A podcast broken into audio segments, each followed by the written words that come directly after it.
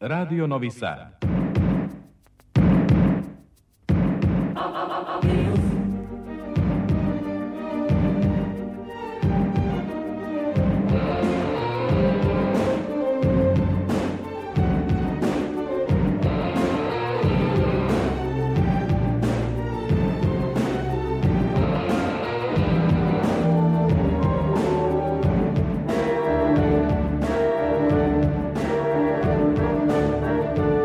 Spektar.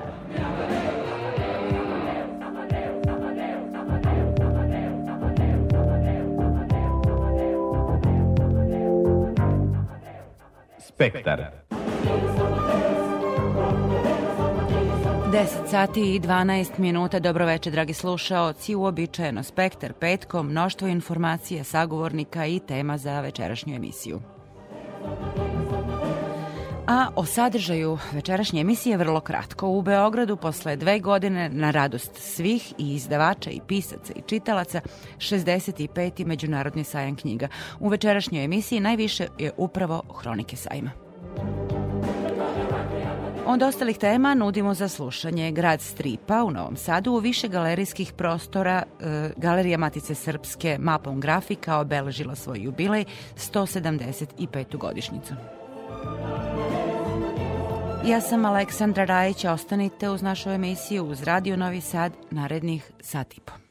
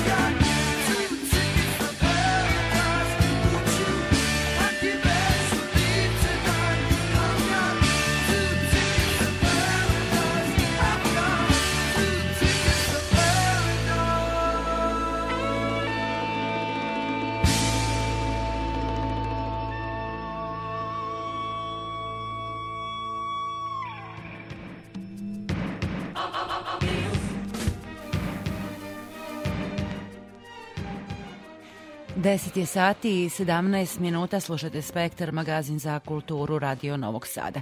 U Beogradu pod sloganom Povratak napisanih traje 65. Međunarodni Beogradski sajam knjiga. Juče su tradicionalno uručene nagrade najboljim izdavačkim kućama i njihovim izdanjima. Priznanje izdavač godine ravnopravno su ponele dve novosadske kuće. Pravoslavna reč i Prometej, a užem u izboru bile su još dve iz Novog Sada, Matica Srpska i Akademska knjiga. Pravoslavna reč brojnim monografijama, izuzetne grafičke i štamparske izrade, gradi osoben i izdavački identitet, posebno radeći na prepoznavanju i obnavljanju našeg nacionalnog identiteta, na njegovom očuvanju i zaštiti, kaže se u odluci žirija. Nagradu je primio direktor izdavačke kuće Zoran Gutović. Lepo se osjećamo i ovo daje postrek da radimo i dalje bolje. Mi smo krenuli sa edicijom e, zapravo sabranih, izabranih dela znamenitih Srba.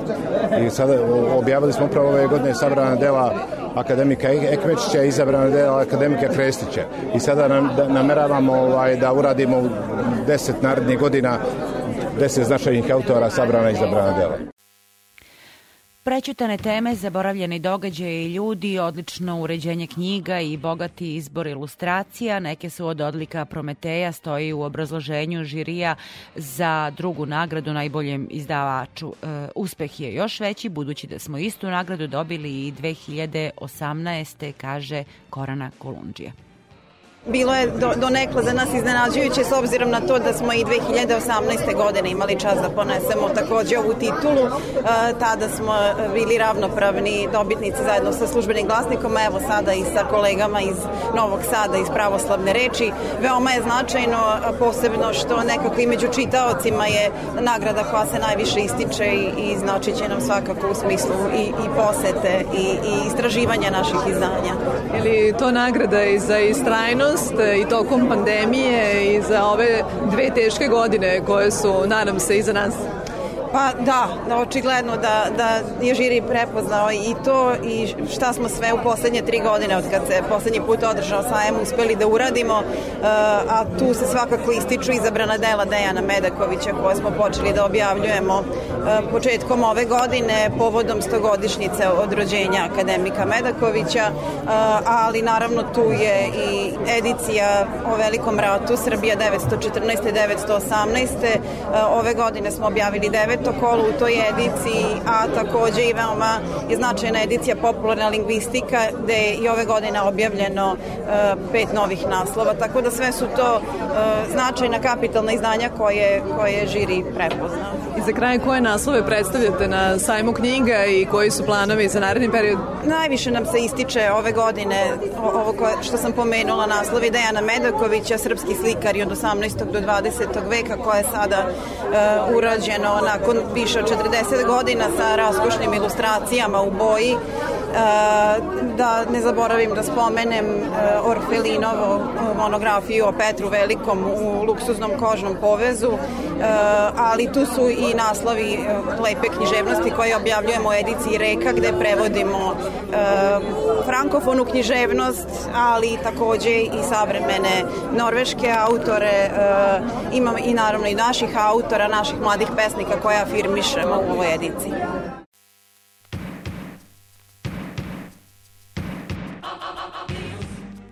Da, Ivana Maletin Ćorilić zabeležila je Koranu Kolundžija i njeno zadovoljstvo zbog nagrade. Dalje, nagrada za izdavački poduhvat godine pripala je službenom glasniku za sabrana dela Stanislava Krakova objavljena u saradnji sa Univerzitetskom bibliotekom Svetozar Marković. Prema rečima žirija, iz ideoloških razloga skrajnut iz naše književne i kulturne istorije, jedan od najznačajnijih pisaca međuratnog razdoblja čitaocima se predstavlja u deset umešno grafički oblikovanih tomova koji su sačinili izvrsni poznavaoci njegovog dela. Među njima je Petar Arbutina. Stanislav Krakov je dugo godina ovde bio prečutkivan pisac i meni je drago da je ovaj žiri pre svega skupio hrabrosti da vidi ovaj serijal, ovaj izbor iz Krakova i da ga nagradi, jer zato je trebalo zaista velike hrabrosti, jer bez obzira koliko mi pričaju da su vremena ideološke isključivosti prošla. Možda to nije čudno za takozvane srpske političke elite, međutim postoji to i u kulturi. Međutim, Krakov je pisac koji mnogo može da da nekim novim čitaocima. Zahvaljujući pre svega profesoru Gojku Tešiću koji je u ovom izboru uredio četiri knjige, Krakov se početkom 90. vratio na ove prostore, međutim ovo je zaista najopširniji, najobimniji i ovo je skoro sve što je Krakov uradio i napisao, tako da nema razloga da budemo nezadovoljni i drago mi je da smo ono što smo uradili da je to neko je primetio na takav način.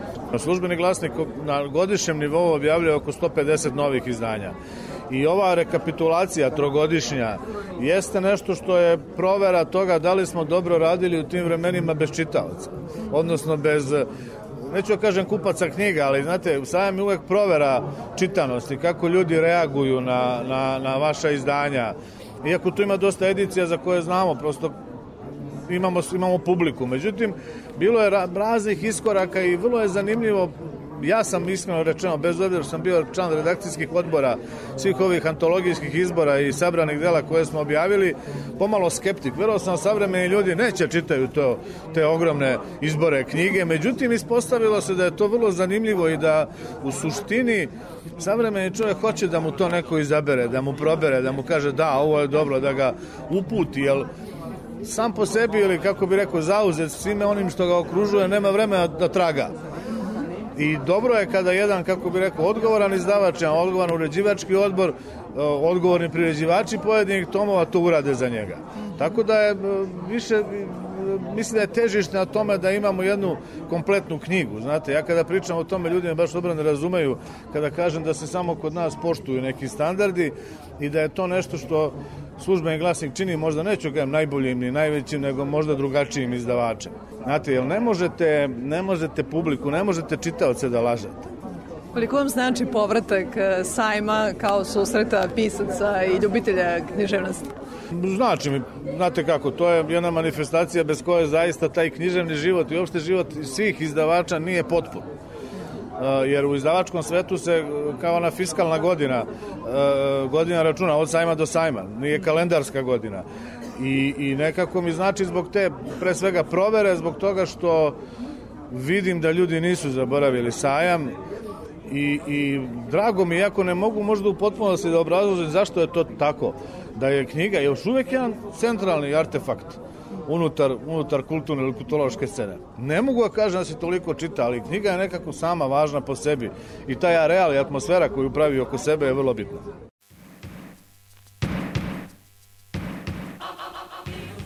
A nagrada za dečiju knjigu godine pripala je ediciji znamenite Srpkinje iz pera književnica za decu u izdanju Pčelice iz Čačka. Žiri je naveo da su autorke uspešno predstavile simbiozu srpske kulture iz srpskog ženskog pera. Sa direktorkom izdavačke kuće Pčelica iz Čačka, Goranom Markovićem, razgovarala je Ana Čupić. Izdavaštvo Pčelica je na ovogodišnjem 65. Beogradskom sajmu knjiga dobilo nagradu za najbolju dečiju knjigu. Da, to je u stvari nagrada za najbolju dečiju knjigu ediciju, pošto ta edicija znamenite Srpkinje iz pera književnica za decu ima devet naslova, devet knjiga koje smo radili vredno i formirali ediciju sa završetkom neposredno pred sajam knjiga. Veoma sam ponosan na tu ediciju jer zaista nije bilo lako uklopiti za mlađi uzrast biografske podatke i romansirane priče naših znamenitih žena, a zadatak je bio težak pre svega na autorkama, a to su naše poznate književnice za decu. Trudili smo se, uklopili smo se, sve ilustracije kao i objedinjenu ediciju radio je akademski slikar Igor Krstić i evo, ovo je rezultiralo e, nagradom i veoma smo ponosni. To je i, da kažemo, i obradovali su nas i ohrabrili, ali i obavezali da radimo i dalje još bolje. Zapravo vi se trudite da nabavite nove i mlade čitaoce. Koliko je koliko zapravo procentualno ima mladih čitalaca i da li poslednjih godina dobijamo neke nove? To je iskreno vrlo teško pitanje jer ne postoji baš neka ozbiljnija analiza trenutnog stanja kada u pitanju čitalačka publika. Moj utisak moram biti iskren, za razliku od onih koji ohrabruju, mislim da postoji problem kada su u čitalačke navike u novim generacijama.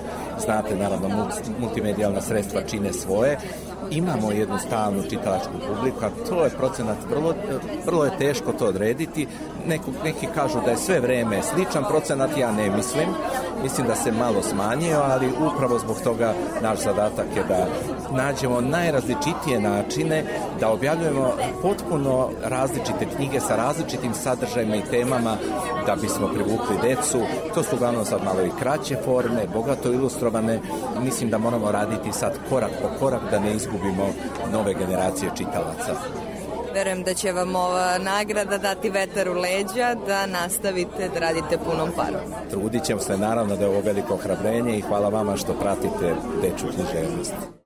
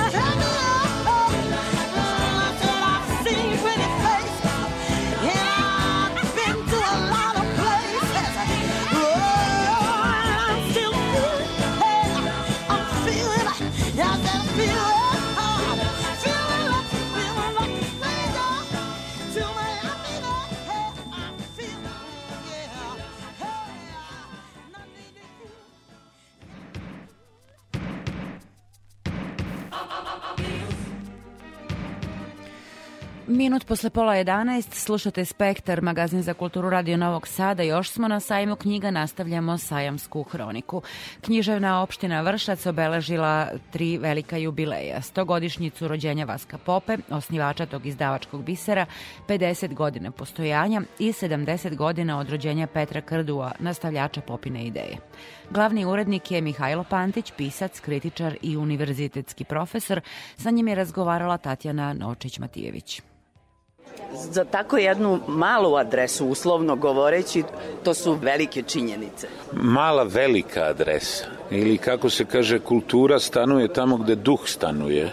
Tako da ja to ne bi merio nikakvim kvantitativnim merilima, nego bi rekao da je zaista to jedna lepa tačka na mapi srpske književnosti i kulture, činjenicom da se Vršac u stvari već u 19. veku sa Jovanom Sterijom Popovićem utemeljio kao jedna, da kažem, nezaobilazna, u nečem centralna, moram da kažem, u nečem granična tačka naše, našeg jezika, naše književnosti, naše kulture i ja vidim književnu opštinu Vršac ne samo kao kao mesto koje okuplja eto tako na jedan neprofitan način što je priznaćemo danas potpuno to, to potpuno odudara od, od konteksta ovog od, od, sajma i od, i od toga šta književnost i kultura danas jesu u, u nekom ovom merkantilnom, marketinškom, tržišnom i svakom drugom smislu da književna opština se okuplja ljude u pravom smislu te reči posvećenike koji znaju da to što pišu da će na ovaj ili onaj način naići na neki na neki odjek i moram da kažem da mi čini čast, a ispunjava me zadovoljstvom evo što ja celog života uređujem knjige, a sad sam eto došao u poziciju da uređujem knjige književne opštine Vršac, utoliko više što sam tu takođe svojevremeno i ja objavljivao knjige. Vi ste sačinili antologiju dobitnika Evropske nagrade, Nagrade za, za poeziju, poeziju. koju je Petru Krdu ustanovio i zapravo od Vršca napravio jednu evropsku prestonicu poezije od te iste književne opštine. Uh, ja mislim da je vas, već Vasko Popa imao tu ideju i onda su me pitali zašto si napisao kula velikim slovom. Ja sam napisao vršačka kula, pa zato što kula ima jedan simbolički značaj. Mislim da je Petru je samo u stvari realizovao ili materializovao Vaskovu ideju, a kasnije je, su ljudi iz Vršca, odnosno književne opštine Vrša su u čast Petra Krdua, Evropskoj nagradi za poeziju dodali Petrovo ime i činjenica je zaista i to vrlo lepa da su tu neki Nobelovci dobili tu evropsku nagradu pre nego što su dobili Nobelovu nagradu, što pokazuje da ta nagrada ima prilično jasan i visok kriterijum koji u našem dobu, moram i to da dodam, nije baš tako lako nije lako tako lako održati. Zašto? Pa zato što nagrade koje traju dugo, u jednom trenutku ipak se suočavaju sa tako da kažem opadanjem kvaliteta jer nagradite najbolje i šta ćete posle. Posle morate se kladite u stvari na one koji dolaze na neki način da predviđate a to u poslovima književnosti nije baš zahvalno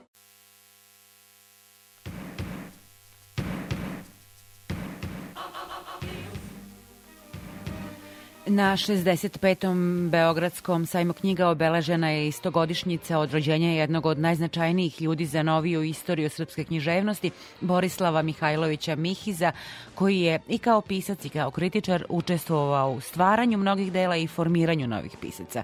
O Mihizu sa piscem Dušanom Kovačevićem razgovarala Ana Čupić. Ko je bio Mihiz, a možda je i bolje pitanje ko sve nije bio Mihiz? Pa, Mihiz je pre svega bio moj dragi veliki prijatelj, jedan od eh, najumnijih ljudi koje sam ja u životu upoznao. A konkretno čime se sve bavio, rekao bih da je pokrivao sve što je vezano za literaturu. Bio je eh, najznačajniji u svoje vreme kritičar i teoretičar književnosti, bio je sjajan pisac s tim što pošto sam ga poznavao jako dobro nije mnoge stvari napisao jer je voleo više da priča i pomogao je mnogim pisima naročito tamo posle rata tih nekih 50. i 60. godina i od mnogih pisaca mnogim pisima je radio korekturu e, i lekturu e, knjiga naročito ovim, ajde, pod znacima navoda partizanskim pisima koji su izašli iz rata bez velikog poznavanja literature. Bio je naravno u ateljeu čovek koji je vodio repertoar Atelja 212 ceo život, bio je i u Matici Srpskoj jedno vreme i tako da je jedan od značajnijih ljudi uopšte u našoj kulturi, a za mene je izuzetno značajan i drag i bio mi je neko kao deo familije. A kada čujete samo Mihis, šta vam prvo padne na pamet? Pa pada mi prvo uh, osjećanje da bih voleo da se čujem sa njim. Jednostavno, kad god sam imao neki ozbiljniji problem, ja sam mu se javljao i savjetovao se sa njim, zato što on je bio prvi čovjek koji je pročitao moje maratonce pre izvođenja u ateljeu. Pošto je bio na mestu dramaturga, tek se došao kod njega i onda sam ja sa njim sedeo i pričao. Tako da od tog dana, to je bilo 73. godine, odnosno 72. a komad je izveden u januaru 73. Od tog doba, od te 72. godine pa do njegovog odlaska smo bili u stalnoj vezi i bio sam kod njega u poseti desetak dana pre nego što je otišao. Kakav je uticaj e, njegov rad imao na vaše pisanje? Pa imao je veliki prijateljski uticaj, savjetodavni. Ja sam bio treća godina akademije kad, sam, kad smo se sreli, pa sve do tih polovinom 90. godina kad je on napustio svet, družili smo se više od, više od 30 godina.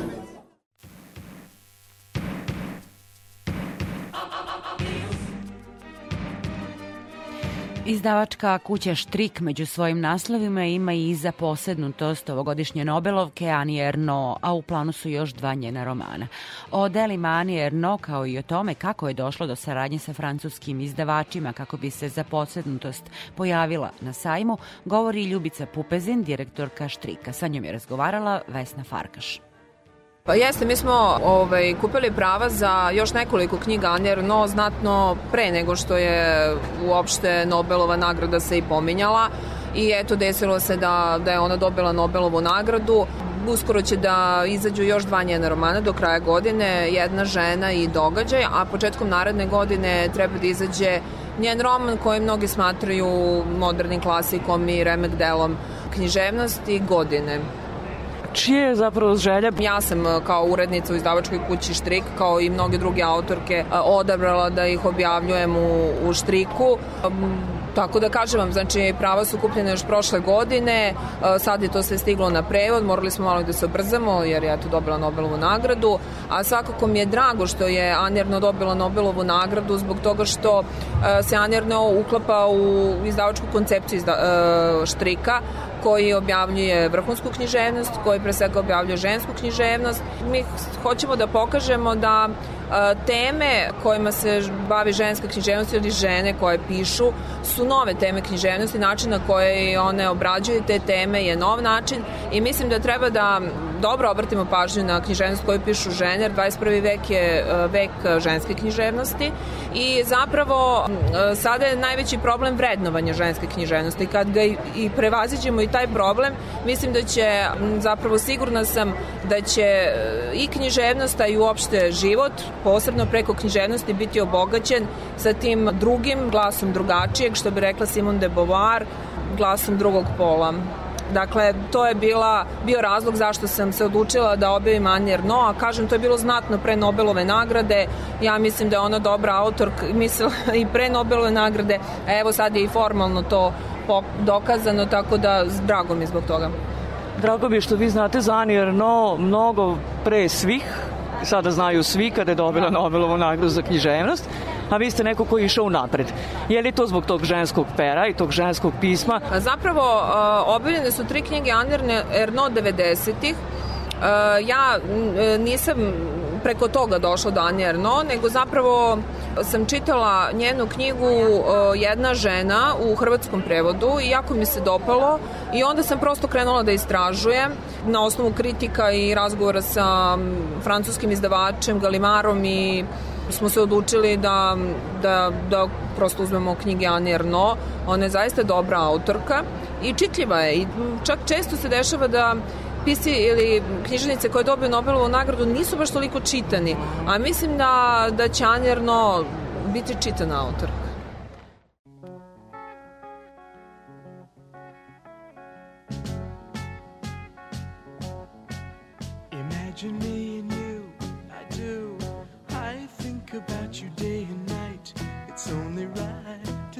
About the girl you love and hold her tight. So happy together. If I should call you up, invest a dime, and you say you belong to me, lose my mind. Imagine how the world could be so very fine, so happy together.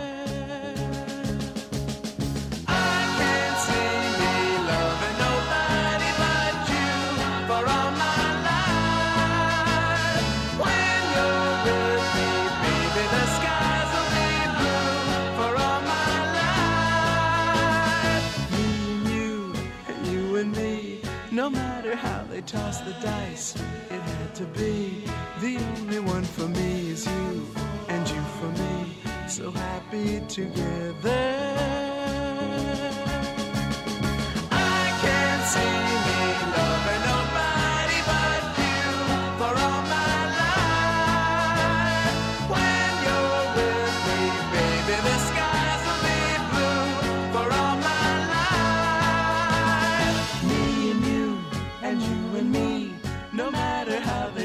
Dice, it had to be. The only one for me is you, and you for me, so happy together.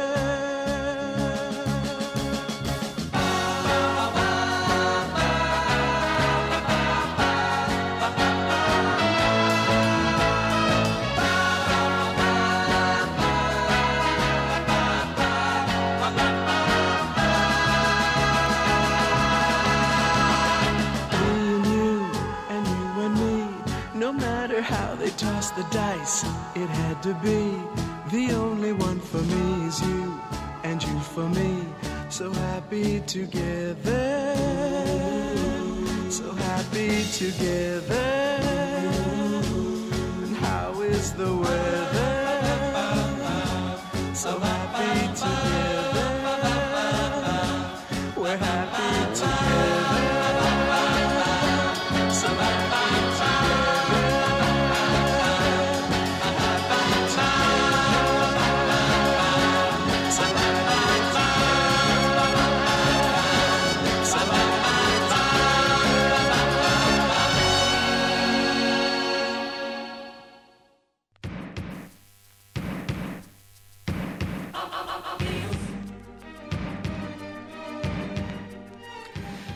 Sajam knjiga i impresije su onih koji su ga posetili odiše radošću zbog ponovnih susreta čitalaca i pisaca. Izdavači su s puno streplje došli, ali su ih posete već prvih dana uverile u neophodnost prisustva. Direktorka geopoetike Jasna Novakov-Sibinović u razgovoru sa Tatjanom Novčić-Matijević kaže da je vrlo uočljiva smena generacija među čitaocima.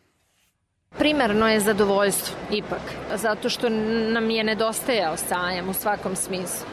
Nedostajao je i kao događaj i nedostajao je i kao neophodna finansijska e, nadoknada zato što je ipak to jedan trenutak u godini u kojem imamo takvu vrstu značaja koja je bitna za naredni period. Za sada, gledajući ovu godinu, mi bi ono što su neki naši osnovni prvi utici zbog čega smo iznenađeni, to je dolazak autobusa. Mislili smo da neće dolaziti autobusi, da neće biti organizovanog prevoza zbog korone. To je prva stvar i druga stvar, e, broj mladih ljudi na sajmu. To je zaista... To je stvarno prava vest. Da, to je, to je vrlo primetno. I to svi komentarišemo, bar na štandu geopoetike i to je mnogo lepo. Mi sad govorimo o mladim ljudima koji dolaze kao neka smena generacija u interesovanju za naše knjige, gdje smo imali uvek neku čitalačku publiku koja je ipak malo starija, da kažem. Upravo sam sad to htela da, da pitam. Imate vaše autore koje kontinuirano plasirate u prevodu na srpski jezik. Koliko su oni sada intrigantni tim novim mladim čitaocima? E, Ono što mi primećujemo je da je Murakami vrlo zanimljiv mladim čitaocima i da ga čitaju zaista mladi. Pamuka ne, Pamuk je onaj tradicionalni pripovedač sa ogromnim debelim knjigama uglavnom za koje ja mislim da mladi ljudi zaista, a i stariji, nemaju strpljenja u današnje vreme. Ali Rooney, treba pomenuti Rooney. Sally Rooney je e, jedna od najprodavanijih autorke danas geopoetike i moguće je da smo uz Murakamija upravo sa Sally Rooney povukli jedan talas mlađe čitalačke publike jer se ona njima prvenstveno obraća iako je čitaju sve generacije. A zašto da ne i to što smo objavili Sergeja Trifunovića, pisca koji spada u baš poznate ličnosti, a napisao je zaista izuzetno dobru knjigu i to je opet jedan put Negde je vreme za, za neko resetovanje, čini mi se. Jeste, jeste, apsolutno. Pa ne, i ovo što je, što je bila um, ta, da kažem, eto, dvogodišnja pauza i ta specifična pandemijska uh, pauza uh, je ipak, to su svi govorili, uh, više okrenula ljude čitanju i da je knjiga u odnosu na druge umetnosti u stvari najbolje prošla. Mislim, književnost, a mi imamo eto i taj produkt u vidu knjige. Naravno, povećala se online prodaja, povećala se prodaja elektronskih knjiga.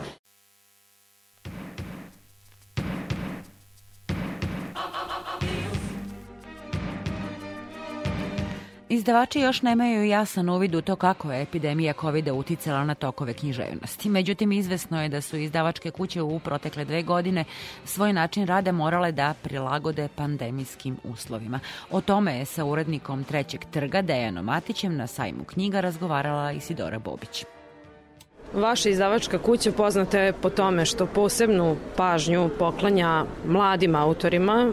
Da li se očituju na planu samog rukopisa neke promene u tematskoj preokupaciji, u formi, u motivskoj strukturi koje su zapravo zadesile društvo u ove protekle dve turbulentne godine? Toga ima, ali, ali ne bih rekao da, da prelazi neke procente značajne ili da je neko, bar od autora koje smo mi objavljivali, evo, između posljednja dva sajma, posljednji je bio 2019. pa onda dve godine pauze, korona i tako dalje, sada je konačno ponovo sajam. E, mi smo u tom periodu objavili skoro 20 knjiga domaćih i regionalnih pesnika najviše, ali i proznih pisaca, to su generalno mladi autori, dosta je tu bilo debitanata, neko desetak debitanskih knjiga, ali i drugih, trećih knjiga, znači autora, što se uopšte kaže, mladih do 40 godina, tako da nismo primetili da je to dominantno. Između ostalog možda zato što ovaj, su neki rukopisi nastali ranije, pre pandemije. A da li ste se u te protekle dve godine susreli sa nekim posebnim, drugačijim izazovima kao izdavačka kuća? Naravno, budući da mi organizujemo Međunarodni festival poezije, to je bio veliki izazov e, 2020. godine u vreme... Kako je to izgledalo? Mi, to je prvo i, i za sada jedino izdanje koje smo e, u potpunosti realizovali digitalno ili online. To ima svoje i prednosti i svoje mane. To je izgledalo tako što smo imali tri live ili živa programa koje su bile prenošene preko naših društvenih mreža, preko našeg Instagrama i Facebook stranice. Koristili smo, razume se, Zoom aplikaciju koja je postala poznata u poslednjih e, par godina.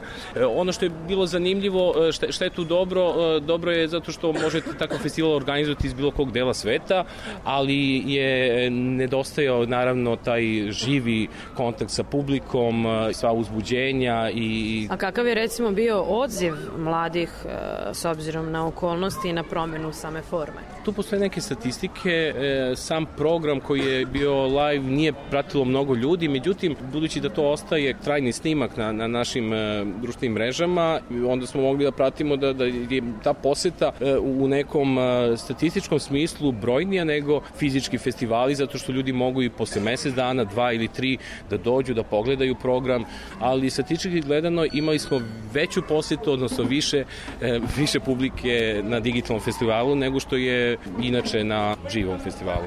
Možemo li za kraj da uputimo zainteresovanim mladim autorima poziv na sledeći festival koji organizujete? Mi još nemamo precizne planove za sledeći festival, ali ono što može biti e, interesantnije posebno e, mladim pesnicima i generalno pesnicima, da ćemo najvjerojatnije promeniti koncepciju našeg e, nagradnog konkursa, da će to biti jedan jedinstven konkurs za poeziju bez ograničenja u smislu godina ili prve ili bilo koje naredne knjige, tako da eto, verujem da ćemo do kraja godine objaviti taj konkurs i to je eto prilika da možda otkrijemo ili nekog novog, mladog i nepoznatog autora ili autorku ili možda nekog da kažemo prepoznatljivo pesničko ime koje će biti naš novi autor sledeće godine. Želimo vam mnogo sreće u realizaciji tih planova. Hvala vam što ste govorili za Radio Novi Sad. Hvala vama.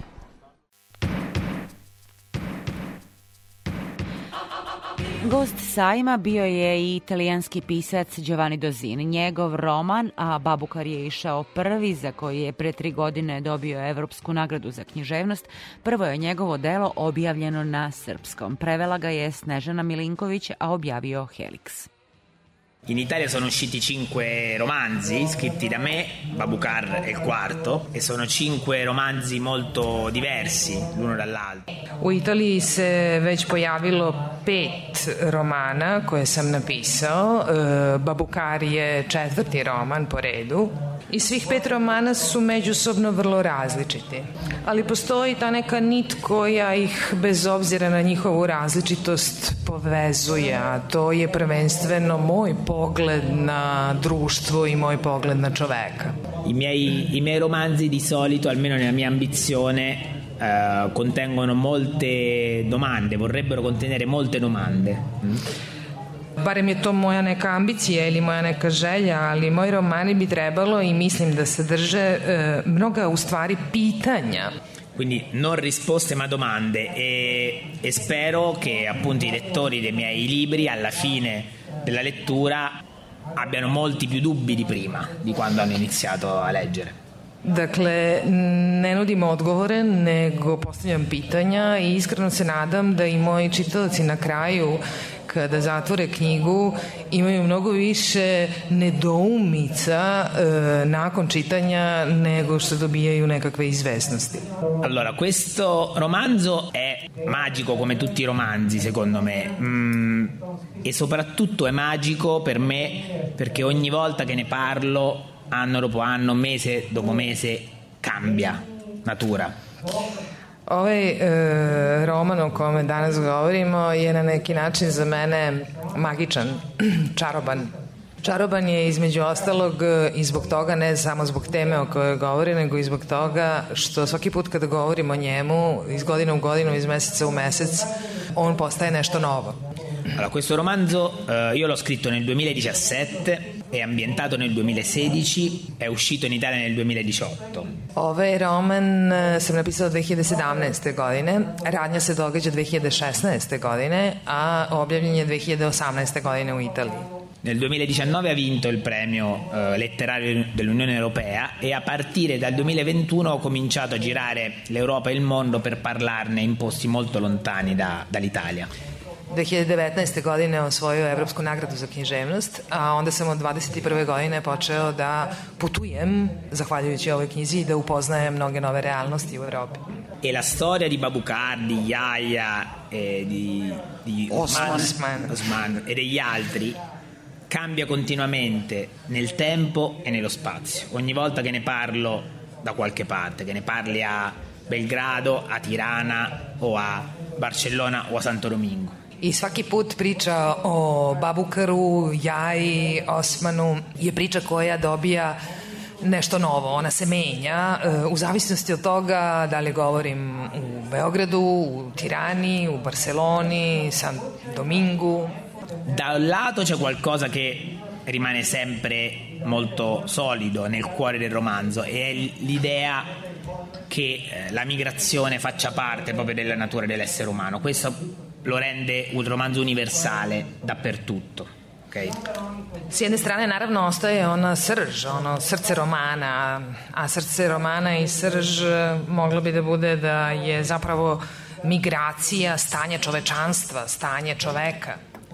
Però per esempio parlare di questo romanzo e di migranti e di profughi fino al 23 febbraio scorso era un conto, parlarne dal 24 febbraio in qua è un altro.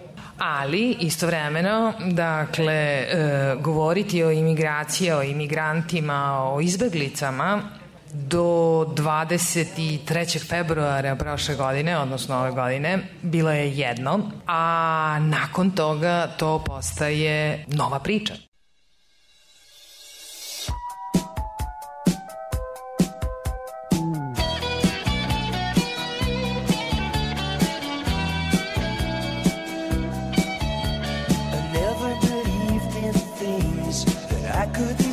I said if I can't feel it, then how could it be? No, no magic could happen to me. And then I saw you, I couldn't believe it. You took my heart, I couldn't retrieve it. Said to myself, what's it all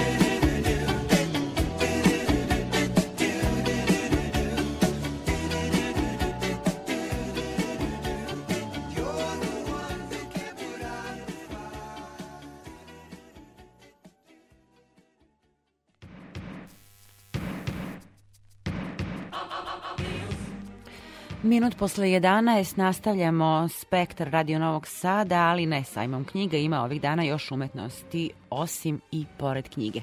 Grad stripa u Evropskoj prestonici kulture počeo je otvaranjem izložbe Heroji svakodnevice, svakodnevice u kineskoj četvrti i to je izložbom tapiserije. Devet majstorski izrađenih tapiserija ateljeja 61, e, ravnih, ako mogu tako da kažem, evo odoka onima Graysona Perija koje smo imali priliku da vidimo pre par godina u Muzeju savremene umetnosti u Novom Sadu.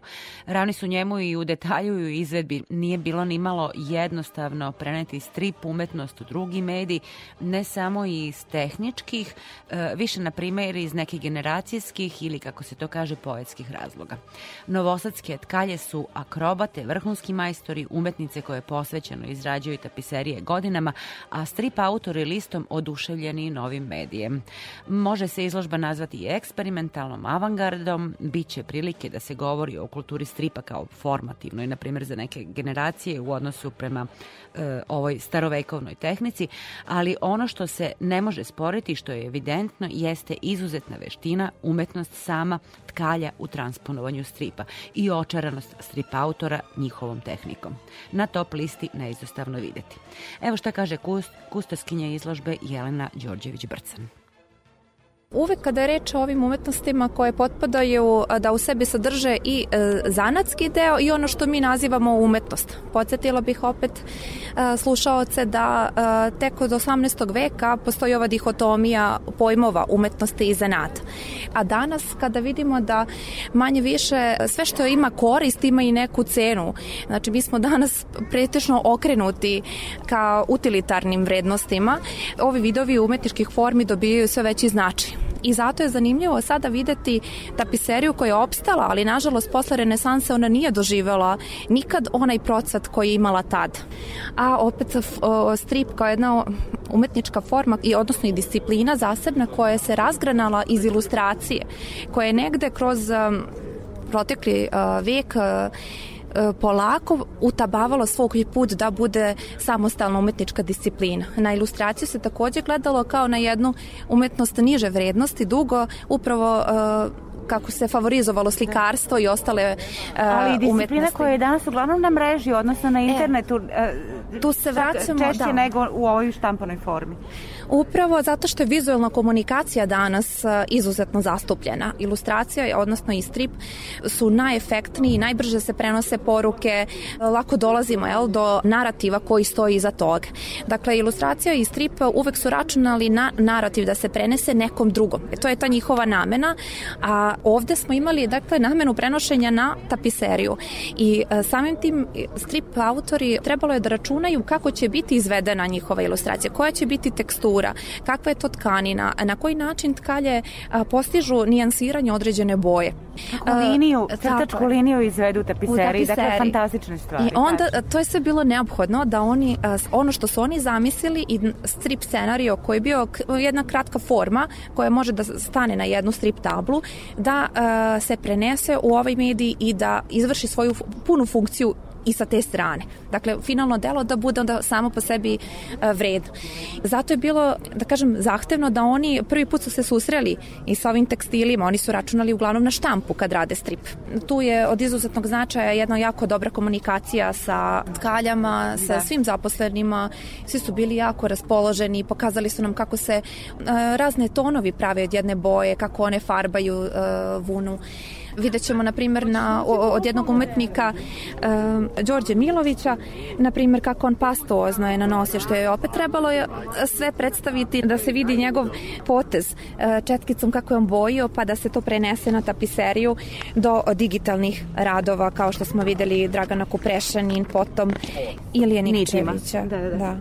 Potom šrafure Željka Paheka, ovo je izuzetno zahtevno bilo da se svaka crtica prenese i da se dočara grafizam samog stripa autora.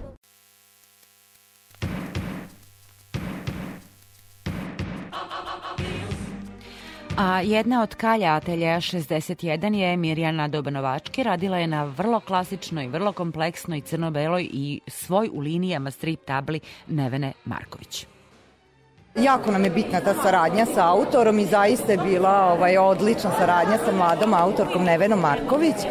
Inače, autori nam ostavljaju jedan naprema jedan kartune koje mi pratimo, zašivamo, znači za već postojeću ovaj deo o, otkanog o, materijala i ovaj pratimo znači što vernije o, gledamo da ispratimo rukopis crtež mediji u kom je ovaj autor radio, tako da dugogodišnjim nekom veštinom evo uspeli smo i ovako da jednu strip zahtevnu. na tapiseriju? Jeste, prvi put u ovaj znači preko 60 godina atelje ateljevo postojanja, ovaj smo se dotakli evo i te teme stripa da smo izveli devet tapiserija za neke dve godine naša radionica.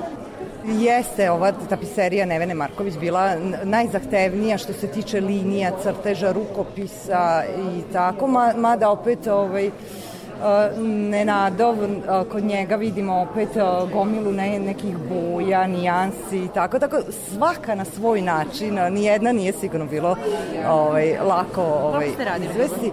Nevenu smo radili godinu dana, inače sve ukupno tapise, i koleginica i ja, nas dve smo radile na Neveni, a inače sve ukupne tapiserije su se radile dve godine.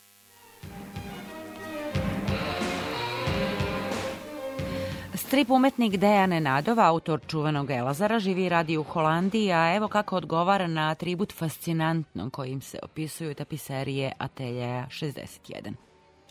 Meni bi možda pre bilo da kažem da je izvedba mog kartona u uh, formi tapiserije nešto što mene fascinira. Meni je to, to sam rekao i tkaljama dok smo sarađivali tokom procesa izrade, e, manje mi je bilo bitno polazna priča, način na koji sam ja na kraju krajeva i nacrtao to, odnosno naslikao to na kartonu, koliko onaj proces za mene nov, potpuno mm, nepoznat ranije, a, kada je to došlo do izvedbe u tapiseriji. Ja sam to uporedio sa, ne znam, govorom ono kada deca, onu staru igru gluvih telefona, pa jedno dete kaže jednu stvar, u tom procesu rada i gubljenja određenih stvari, ali i dodavanja nekih novih vrednosti, a, se stvara jedna, ne znam, nešto što je neslučeno bilo svakako s moje strane bez prethodnog iskustva izvedenog mog slikarskog ili crtačkog rada u tapiseriji. Tako da jeste fascinantno. Da, e, strip je već potpuno osvojio naravno ove nove medije, pre svega internet. Ja sad moram da vas pitam da li vi još uvek crtate rukom. Dakle, postoji, ja bih rekla, i neka analogija između vašeg rada, ako radite rukom, i između njihovog ručnog rada.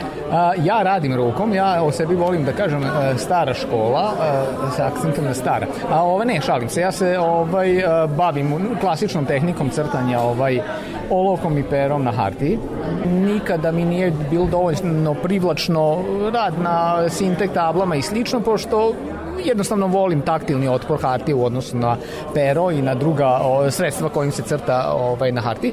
Inače što se tiče ovaj odnosa tapiserija i elektronski ovaj način e, reprodukcije, utoliko je ovo meni e, zaista blisko pošto je i ovo nešto što je rađeno rukom, što je rađeno da bi se napravio jedan e, proizvod u jednom određenom medijumu koji bi na, u današnjem načinu razmišljanja bilo i jednostavnije, ali nikako na dovoljan način kvalitetno e, realizovati u nekoj formi ma, bilo mašinskoj, bilo mehaničkoj, bilo elektronskoj. Tako u tom smislu ručnog rada i zanatskog rada meni je to potpuno bliska stvar. Sad prosto možete da kažete svojim kolegama, jel da, e, ja imam tapiseriju. Da, da, da, to je nešto što je ovaj, kada sam e, postovao, kada je ova moja tapiserija bila završena kolegama i prijateljima e, sa kojima ili sarađujem ili se znam, mnogi su bili zainteresovani, čak su neki bili zainteresovani da to kupe, pa ja rekao to morate videti sa nadležnima, ja sam tu samo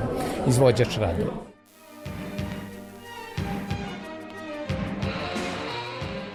A u sklopu 16. izdanja Novosadskog strip vikenda koji priređuje Novosadski studentski kulturni centar u Muzeju savremene umetnosti Vojvodine otvorena je izložba Dnevnik Max von Fafnera.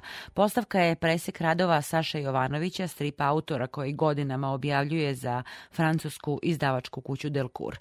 Izložba je deo programa Druga Evropa, Evropske prestonice kulture. Sa Sašom Jovanovićem razgovarala je Ivana Maletin-Ćorilić. Zahvaljujući programu Druga Evropa Evropske predstavnice kulture, Novi Sad je postao grad stripa, odnosno bačeno je svetlo na tu devetu umetnost i ona je konačno u prvom planu. Da, to je baš ovaj Novi Sad kao grad stripa je velika priča. On je i u staroj Jugoslaviji, on bio apsolutni centar. Znači, tu Beograd, Zagreb, Sarajevo, tu nisu mogli da priđu. Tu ne samo da je bila ovaj glavna produkcija stripa i štampa, nego su tu bili ozbiljni studiji, ozbiljni autori. To je možda samo u Americi postojalo tako tog obima, tako na jednom mestu. Tako da ovaj, e, to je baš velika priča koja je, sad je kao Atlantida otkrivena, ali mislim postoji tu unazad nekih 40 godina sigurno. Da, ovo je samo kruna i zapravo vaša izložba Dnevnik Maksa von Fafnera ili e, Saše Jovanovića je početak jednog novog e, poglavlja, novog ciklusa izložbi u Muzeju savremene umetnosti kako je najavljeno da će konačno ovaj, dobiti priliku da prikažu svoj dugogodišnji rad i drugi autori. Da vam kažem, nas stalno zovu, evo ja iz iskustva, znači zovu, to je Brisel, Pariz, Metz, Ženeva, to kad e, naši autori odu tamo, tu pod 200-300 ljudi čeka u koloni da mi nešto potpišemo i nacrtamo. Znači, mi bukvalno svako od nas može e, petoduplo više ljudi da skupi od Emira Kusturice. E sad, e, to je iz ovog i onog razloga bilo malo zapostavljeno u Novom Sadu, verovatno su bile neke važnije stvari da se rešavaju. Strip je svakako jedan a, veliki dragulj koji Novi Sad ima i koji možda nije potencirao i naglasio koliko mi imamo kvalitetnih ljudi koji to rade, koji su stvarno deo evropske e, strip kulture, koji su stvarno tamo e, u temelju svega toga. Znači, mi e, gradimo zajedno s njima pre otvaranja onih poglavlja sa Evropskom unijom i da mi smo već tamo. Čak ovaj, po mnogim elementima mi smo, uh, ovi naši ljudi, talenti, su ispred njihovih. Tu ima stvarno uh, autora koji su praktično evropska avangarda sad. Ne znam da li to zvuči pretenciozno, ali to nisam rekao ja, to kažu belgijanci i njihovi kritičari. Da, vi godinama izdajete za francusku kuću Delcourt. E, Kako je došlo do upliva srpskog stripa na francusko tržište? To je u stvari frankofono to uh, područje i to su te zemlje Beneluxa, njih ima nekih 80 miliona. Znači, uh, to je to govorno područje već tog gabarita da može da podrži jednu uh, tako luksuznu i kvalitetnu produkciju. I uh, oni jednostavno tim svojim investiranjem u to i velikim tržištem oni su sposobni da privuku talente odavde da tamo rade. Mi smo jedno manje tržište i onda je ovaj dosta teško ako tu nema neke državne pomoći ili ove ili one da se to komercijalno radi produkcija, znači da autor može godinu dana da živi od toga bez problema, to sad malo teže ide jer su manji tiraže. E, i to je u stvari njihova tajna uspeha. Znači ima ih mnogo, 80 miliona, ali e, nemaju toliko više kvalitetnih autora nego što mi imamo. Dakle, imate idealne uslove za rad, može se reći. A, da li vam je data apsolutna sloboda? E, ja moram da kažem da su ti ovaj, francuski urednici s kojima sam sarađivao stvarno profesionalci. Oni mogu da procene s kim rade, tako da e, ja mogu da kažem da sam imao slobodu. Znači, meni su davali za pravo i da promenim možda ako nešto u scenariju je drugačije osmišljeno, da ja to napravim na svoj način. Koji period vas najviše kao autora intrigira? Ja sam odrastao na naučnoj fantastici. A radio sam jedan e, naučno-fantastični strip, pa onda je bio jedan savremeni i onda su krenuli istorijski. Pa e, svaka era ima svoje zanimljivosti. Istorijski motivi su jako zanimljivi jer kada se ode recimo u to antičko vreme e, antičkog Rima, vidi se koliko u stvari se mi i ne razlikujemo toliko. Koliko smo svi krenuli iz nekih sličnih korena i to ovaj, kad, kad se malo prelista i tacit uh, istoričar iz tog vremena i tako. Nema tu neke velike razlike. Ipak ovaj, tako, a, a i nije se nešto mnogo promenilo u odnosu na Rimsku republiku. Znači sve isto ovaj. Ili ovaj dnevnik oslikava vaš rad onako u potpunosti, je bilo teško izabrati sad nekoliko radova koji će možda najbolje dočarati vašu prirodu kao strip autor. Jeste, ovo je stvarno jedan samo mali deo i obično ja jurim te rokove da uradim to, da uh, sklopim tablu, da pošaljem što pre i sad i ja sam se iznenadio kad sam vidio ove, ove materijale, sad i ja ko da ih prvi put vidim i gledam. Tako da, ovaj, e, da, bilo je teško izabrati, gotovo nemoguće. Ovaj, I za kraj na čemu trenutno radite, šta možemo da očekujemo u budućnosti? ceo svet je u nekim tektonskim e, promenama i a, tako da je in vivo gledamo kako se menja ta produkcija, e, da li će sad ona ostati klasična na papiru ili da li će se to i dalje štampati ili će preći na ove mobilne platforme. Znači sad e, cena papira je skočila, menjaju se stvari to. Tako da ovaj biće zanimljiv period, vidjet ćemo.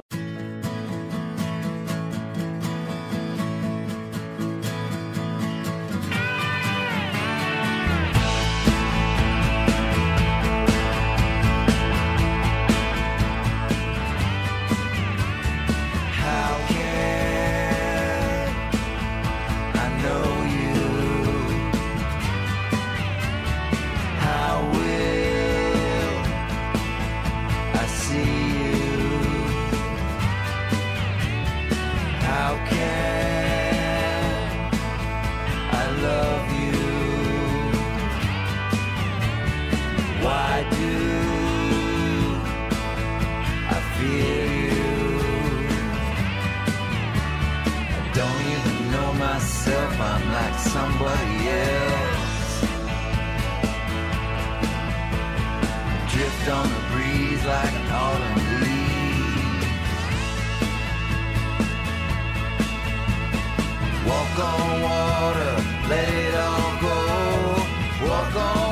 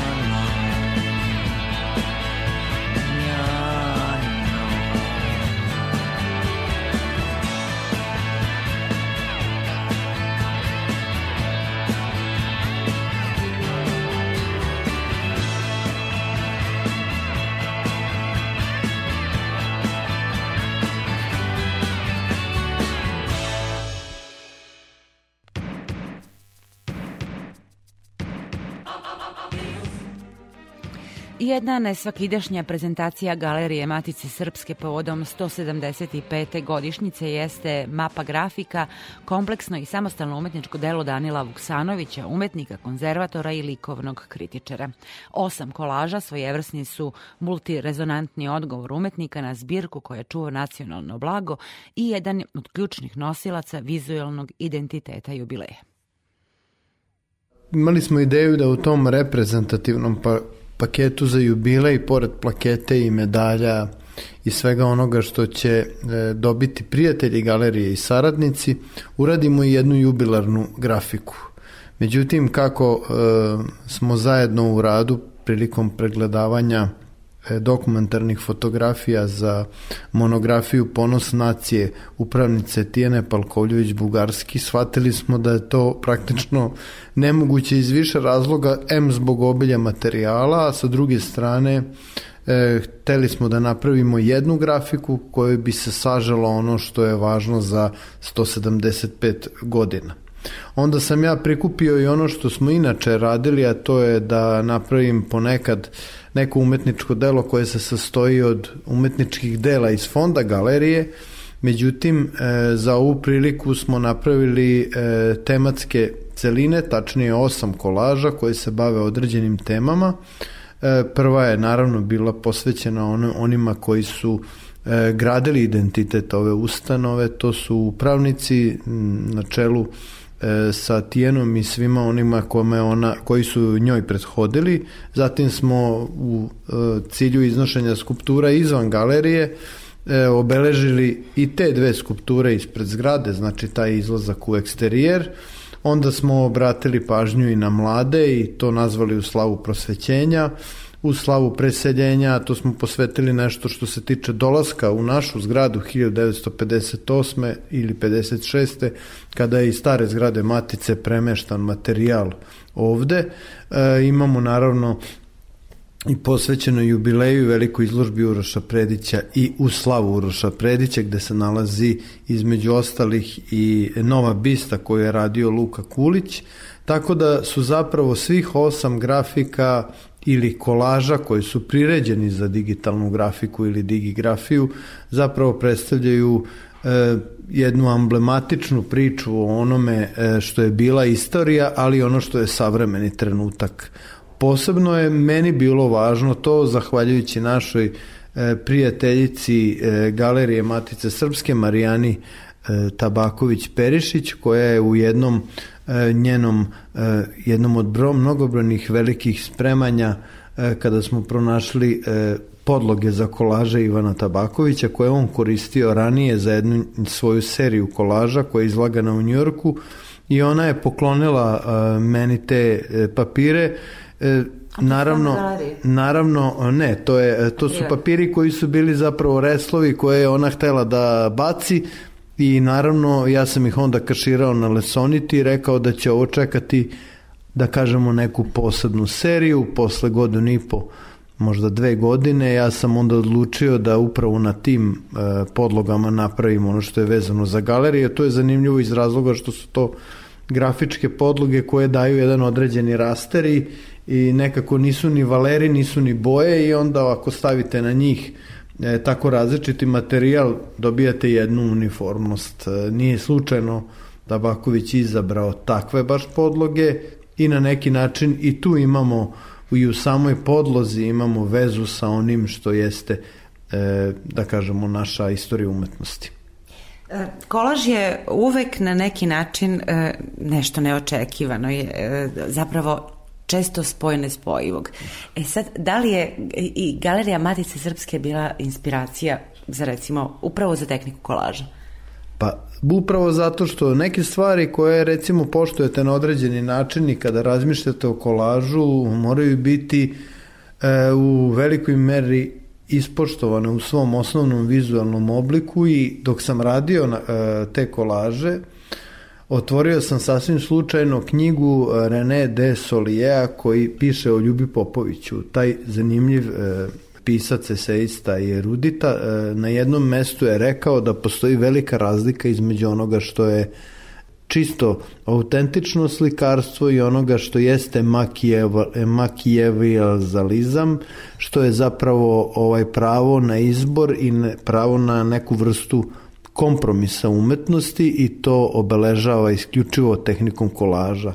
E, tada sam shvatio da u stvari u tom u tim kompromisima mi sa jedne strane e, poštujemo ono što je zadato kao tema u neku ruku, a sa druge strane dobijamo to što vi kažete te nespojive neke ili kontraste ili sukobe i to je ono što čini kolaž zanimljivim kada radite na njemu, zato što te stvari vi nikako ne možete da planirate. Onda drugo, ono što je zanimljivo jeste dimenzije tih velikih recimo isečenih komada sa slika ili skulptura, e, automatski na vašem papiru oni su svi pod vašom kontrolom i mogu biti veći i manji i ono što je veliki guslar koji je iznet napolje može biti daleko manje od onoga što je jedan mali detalj sa neke e, recimo Orfelinove grafike. I tu nastaje onda zapravo nova priča i taj, ta nova priča zapravo je poslužila narativu jubileja i svemu onome što smo mi na neki način hteli da istaknemo, a to jeste opet poštovanje jedne tradicije koja ne želi da taj savremeni trenutak zanemari i zbog toga su i savremeni umetnici koji rade u galeriji uključeni u to da daju i svoj doprinos.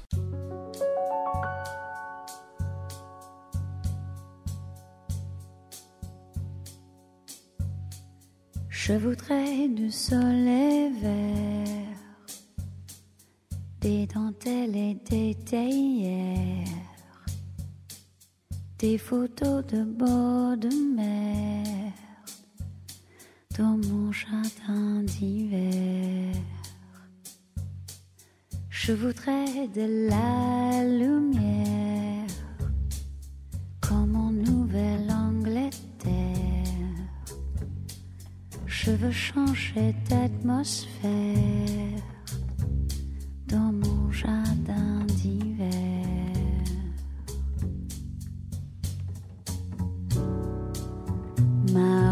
À fleurs sous la pluie de novembre, tes mains qui courent, je n'en peux plus de t'attendre.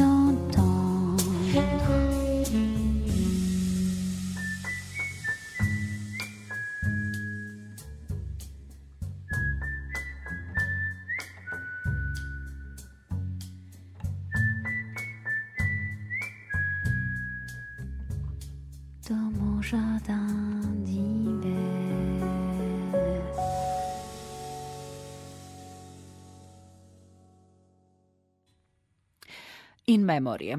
U Novom Sadu je preminuo Ivan Obrenov, reditelj, filmski montažer i vrsni poznavalac filma. Na televiziji Novi Sad radio je bezmelo četiri decenije. Dobitnik je brojnih nagrada za stvaralaštvo, među kojima je i priznanje za najbolji eksperimentalni film u Puli. Goran Vukčević, reditelj radio televizije Vojvodina, sarađivao je sa Ivanom Obrenovim u dokumentarno-obrazovnom programu i ovako se seća rada s njim. Ivan Obrenov je bio jedan od redkih e, poznavalaca filma e, kalibra vrhunskog kakvih je zaista malo ne samo u, u Novom Sadu nego i, i u širem okruženju. Dakle poseban nimalo jednostavan vrlo e, u nekim slučajevima čak iz mog iskustva surov, strog što mi nije uvek prijalo s obzirom da sam ja Ivana u stvari, kad se setim, upoznao još dok nisam ni znao da ću biti reditelj, eh, jer smo svratili u kino klub eh, na današnjem pozorišnom trgu. U Novom Sadu se nalazio tada kino klub, upoznali mnoge prijatne ljude i neko ko je bio vrlo tada strogi i neprijatan prema nama, a to je bio Ivan. To je jedan od onih, od one vrste ljudi koji vas svojom strogoćom, koliko kod vas to možda nekad i povredi, ojačava i uči. Prosto leči vašu preosetljivost, što je potrebno u, pro, u profesiji u kojoj ima mnogo e, ljudi sa koji morate da se borite. Vrlo je surov svet, hoću da kažem. Sarađivali smo na, e, na filmu o Vladi Stojanovu, pozorišnom entuzijasti, e, glumcu amateru koji istrajava i dalje na tom putu od mladosti, dakle prosto neguje svoju veliku ljubav i ogroman entuzijazam i kako je rekao Ivan baš u toj e, u tom dokumentarnom filmu, u toj emisiji rekao je, e, to je neko ko za svoj trud ne traži čak ni, ni sitnu paricu. I e, vrlo smo lepo tu sarađivali, vrlo lepo razgovarali i onda sam otkrio i tu njegovu lekovitu stranu e, i na dokumentarcu o Petru Ljubojevu i ono gde je zaista mogao da se iskaže e, kao sjajan poznavalac filma, i veliki, da tako kažem, filmski intelektualac. E, to je bio serijal koji je radio sa rediteljem Karoljom Vičekom Odiseja filma. Mislim da je to jedan možda i od najboljih obrazovnih serijala koje je radila e, naša televizija, tačnije obrazovni program televizije Novi Sad, danas radio televizije Vojvodine.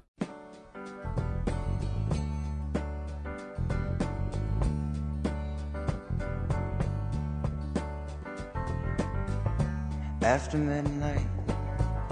We're gonna let it all hang out.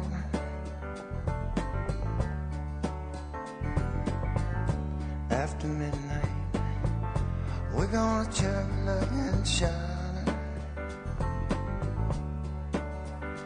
We're gonna cause talk and suspicion, give an exhibition, find out what it is all laid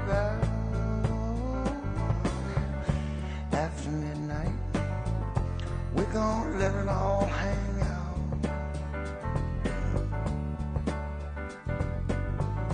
After midnight, gonna shake your tambourine.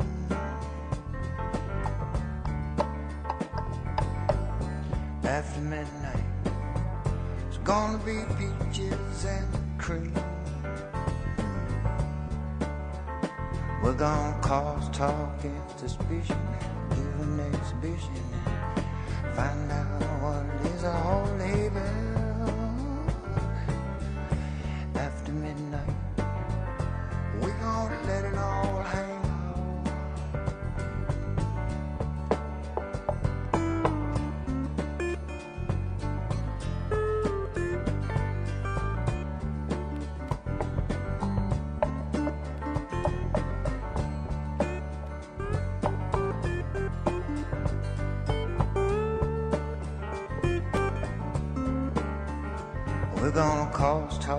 Suspicion, suspicion, an exhibition. Find out what it is.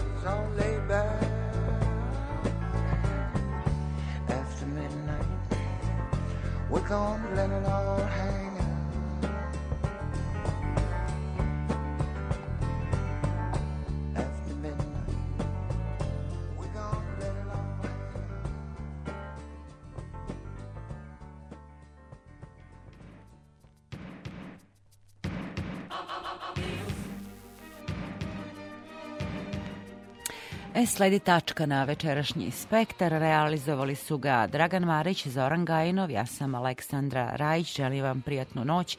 Ako ostajete uz program, uz prvi program radija, radio televizije Vojvodine, sledeći susret sledećeg petka. A do tada spektar možete poslušati i na našem sajtu u meniju odloženo slušanje. Prijatna vam noć.